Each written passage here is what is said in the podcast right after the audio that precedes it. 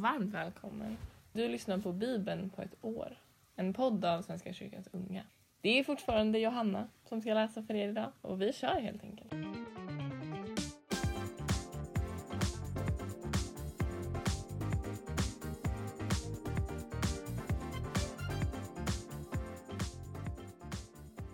Vi ber.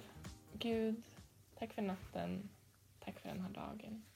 Du ser det som ligger på hjärtat hos alla våra lyssnare. Be att du möter dem i det de står i på bästa möjliga sätt. Du ser vad de behöver.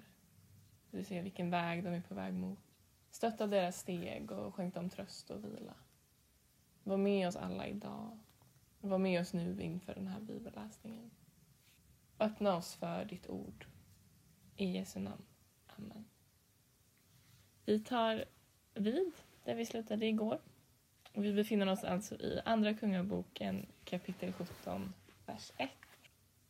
Under Achas tolfte regeringsår i Juda blev Hosea, Elas son, kung över Israel och han regerade nio år i Samaria. Han gjorde det som var ont i Herrens ögon, dock inte som de kungar som hade regerat över Israel före honom. Mot honom drog Assyriens kung Salmanassar i krig och Hosea måste underkasta sig och betala skatt till den assyriske kungen. Men denne upptäckte att Hosea stämplade mot honom. Han hade skickat sändebud till kung So av Egypten och betalade inte längre sin årliga skatt till kungen av Assyrien. Därför lät Salmanassar gripa honom och kasta honom i fängelse. Han besatte hela landet och tågade sedan mot Samaria och belägrade staden i tre år. Under Hoseas nionde regeringsår intog den assyriske kungen Samaria. Han förde bort israeliterna till Assyrien och de fick bosätta sig i Hallach, vid floden Havor i Gosan och i Mediens städer. Ty israeliterna hade syndat mot Herren, sin Gud, som hade fört dem ut ur Egypten, undan faraos, den egyptiske kungens förtryck. De hade dyrkat andra gudar. De hade följt bruken hos de folk som Herren hade drivit undan för israeliterna, liksom de bruk Israels kungar hade infört. De hittade på lögner om Herren, sin Gud. De inrättade offerplatser överallt där de bodde, från minsta by med vakttorn till helt befästa städer. De reste stenstoder och asherapålar på alla höga kullar och under alla grönskande träd och tände offereld där, på alla offerplatserna, alldeles som de folk Herren hade drivit undan för dem. Och med sina onda gärningar väckte de Herrens vrede. De dyrkade avgudabildar, fast Herren hade förbjudit det. Genom alla sina profeter och siare hade Herren inprättat detta hos Israel och Juda. Lämna era onda vägar och håll mina bud och stadgar enligt den lag jag gav era fäder och sände till er genom mina tjänare, profeterna. Men de lyssnade inte. De var lika styvnackade som sina fäder, som inte trodde på Herren, sin Gud. De förkastade hans lagar, förbundet han hade slutit med deras fäder och de varningar han gett dem. De följde det som var tomhet och blev själva idel tomhet. De gjorde som folken omkring dem, fast Herren hade befallt dem att inte göra som dem. De övergav alla bud som Herren, deras Gud, hade gett dem. Och de gjorde sig gjutna beläten, två tjurkalvar. De gjorde en asherapåle. De föll ner och tillbad himlens hela härskara, och de tjänade bal. Sina söner och döttrar offrade de på bålet. De bedrev svartkonst och spådom och hängav sig åt det som var ont i Herrens ögon och väckte så hans vrede. Därför blev Herren så förbittrad på israeliterna att han drev bort dem ur sin åsyn. Kvar blev endast Judas stam. Men inte heller Juda höll de bud som Herren, deras Gud, hade gett dem, utan följde samma bruk som Israel. Då försköt Herren hela Israels folk. Han förödmjukade dem och utlämnade dem åt plundrare. Till sist stötte han dem ifrån sig. När Herren rev bort Israel från Davids sätt gjorde israeliterna Jerobeam, Nevats son, till kung och denne lockade dem att avfalla från Herren och förledde dem till svår synd. Israeliterna begick samma synder som Jerobeam hade gjort sig skyldig till och upphörde inte med dem. Slutligen drev Herren bort Israel ur sin åsyn, som han hade hotat med genom alla sina tjänare, profeterna. Så fördes israeliterna bort från sitt land till Assyrien, där de ännu är kvar. Den assyriske kungen flyttade folk från Babylon, Kut, Abba, Hamat och Sevarim och lät dem bosätta sig i Samariens städer istället för israeliterna. Samarien tillföll dem och de slog sig ner i städerna. När de först bosatte sig där dyrkade de inte Herren, men då skickade han ett lejon emot dem, som dödade många. Man talade om det för den assyriske kungen. Folken som du har förvisat och flyttat till Samariens städer vet inte hur man dyrkar landets Gud. Och därför har han skickat lejon emot dem som dödar dem. De vet ju inte hur landets Gud skall dyrkas. Då befallde den assyriske kungen att någon av de präster han fört bort skulle skickas tillbaka för att slå sig ner där och lära folket hur de skulle dyrka landets Gud. En av de präster som hade förts bort från Samarien kom till Betel och stannade där och lärde folket hur de skulle dyrka Herren. Men varje folkgrupp, var och en på sin ort, fortsatte att tillverka sina egna gudar och de ställde dem i de tempel som samarierna hade uppfört på offerplatserna. De från Babylon gjorde Sakut Benot, de från Kut gjorde Nergal, de från Hamat gjorde Ashima och de från Ava gjorde Nivchas och Tartak. Folket från Sefarvajim offrade sina barn på bål åt Adramelek och Anamelek, Sevarfajims gudar. Sen blev dyrkade de Herren. De utsåg ur sina egna led präster som gjorde tjänst i templen på offerplatserna. De dyrkade alltså Herren, men tjänade också sina egna gudar, enligt seden hos de folk från vilka de blivit förvisade. Ännu idag håller de fast vid sina ursprungliga bruk. De dyrkar inte Herren och följer inte de stadgar och bud de fått. Den lag och befallning Herren gav åt ättlingarna till Jakob, han som av Herren fick namnet Israel. Med dem hade Herren slutit ett förbund och han hade gett dem denna befallning. Ni ska inte dyrka andra gudar, inte tillbe dem, inte tjäna dem eller offra till dem. Nej, Herren som för er ut ur Egypten med stor makt och lyftad arm, honom skall ni dyrka. Honom skall ni falla ner för och tillbe och till honom skall ni offra. De stadgar och bud, den lag och befallning som han skrev åt er ska ni alltid rätta er efter och inte dyrka andra gudar. Glöm inte förbundet som jag slöt med er och dyrka inte andra gudar. Nej, Herren, er Gud, ska ni dyrka, så kommer han att rädda er från alla era fiender. Men de lyssnade inte, utan höll fast vid sina ursprungliga bruk. Dessa folk dyrkade alltså Herren samtidigt som de tillbad sina gudabilder. Och deras barn och efterkommande har fortsatt på samma sätt som sina fäder, ända till denna dag. Under Hoseas, Elas sons, tredje regeringsår i Israel blev Hiskia, Achas son, kung över Juda. Han var 25 år då han blev kung och han regerade 29 år i Jerusalem. Hans mor hette Avi, Sakarias dotter. Han gjorde det som var rätt i Herrens ögon, alldeles så som hans fader David hade gjort. Han avskaffade offerplatserna, krossade stenstoderna och högg ner asherapålarna. Kopparormen som Mose hade gjort slog han i stycken. Ända fram till denna tid hade nämligen israeliterna tänt offereld åt den. Den kallades Nehushtan. Han förtröstade på Herren, Israels Gud. Ingen var som han bland alla Judas kungar efter honom, och inte före honom heller. Han höll sig till Herren och vek aldrig från hans väg, utan följde de bud som Herren hade gett Mose. Därför var Herren med honom, och han hade framgång i allt han företog sig.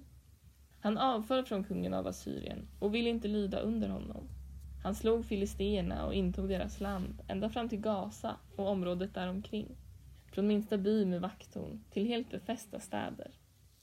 Under Hiskias fjärde regeringsår, som var Hoseas, Elasons, sjunde regeringsår i Israel, angreps Samaria av Salmanassar, Assyriens kung. Han belägrade staden och intog den efter tre år. Det var under Hiskias sjätte regeringsår, som var Hoseas nionde regeringsår i Israel, som Samaria föll.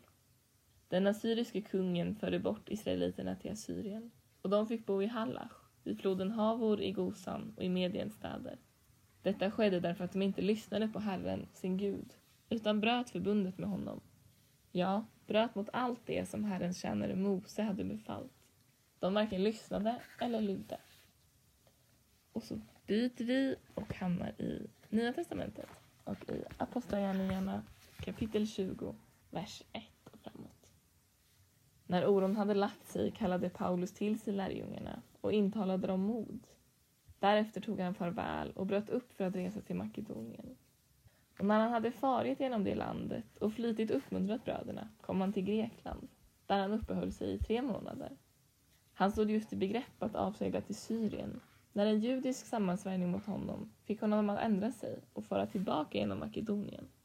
I sällskap hade han Sopatros, Pyros son, från Beroia, Aristarkos och Sekundus, som hörde till bröderna i Thessalonike, vidare Gaius från Derbe, Timoteus samt Tykos och Trofimos från Asien. De reste nu i förväg och inväntade oss i Troas. Själva seglade vi från Filippi efter det osurrade brödets högtid och fem dagar senare träffade vi dem i Troas, där vi stannade en vecka. Dagen efter sabbaten hade vi samlats för att bryta bröd. Paulus, som skulle resa nästa dag, talade till bröderna och han höll på ända till midnatt. Det fanns många lampor i det rum på översta våningen där vi var samlade. En ung man som hette Eutykos hade satt sig i fönstret. Han föll i djup sömn då Paulus talade så länge och i sömnen ramlade han ut från tredje våningen och när man lyfte upp honom var han död. Paulus kom då ner och la sig över honom, slog armarna om honom och sa Sluta med er klagan, han lever. Och han gick upp igen, bröt brödet och åt. Sen fortsatte han länge att predika, ända till gryningen då han lämnade dem. Ynglingen levde och kunde föras hem och de kände en stark tillförsikt. Vi gick direkt ombord och avseglade till Assos, där vi skulle hämta Paulus. Det hade han bestämt eftersom han själv ville ta landvägen dit. När vi mötte honom i Assos tog vi honom ombord och kom så till Mytilene. Därifrån seglade vi vidare och hade nästa dag nått i höjd med Chios. Dagen därpå la vi till vid Samos och ännu en dag senare kom vi till Miletos. Paulus hade nämligen beslutat fara förbi Efesos för att inte förlora någon tid i Asien.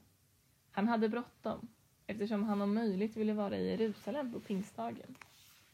Från Miletos skickade han emellertid bud till Efesos och kallade till sig församlingens äldste. När de infunnit sig sa han till dem, ni vet hur jag har uppträtt bland er hela tiden, från första dagen jag kom hit till Asien.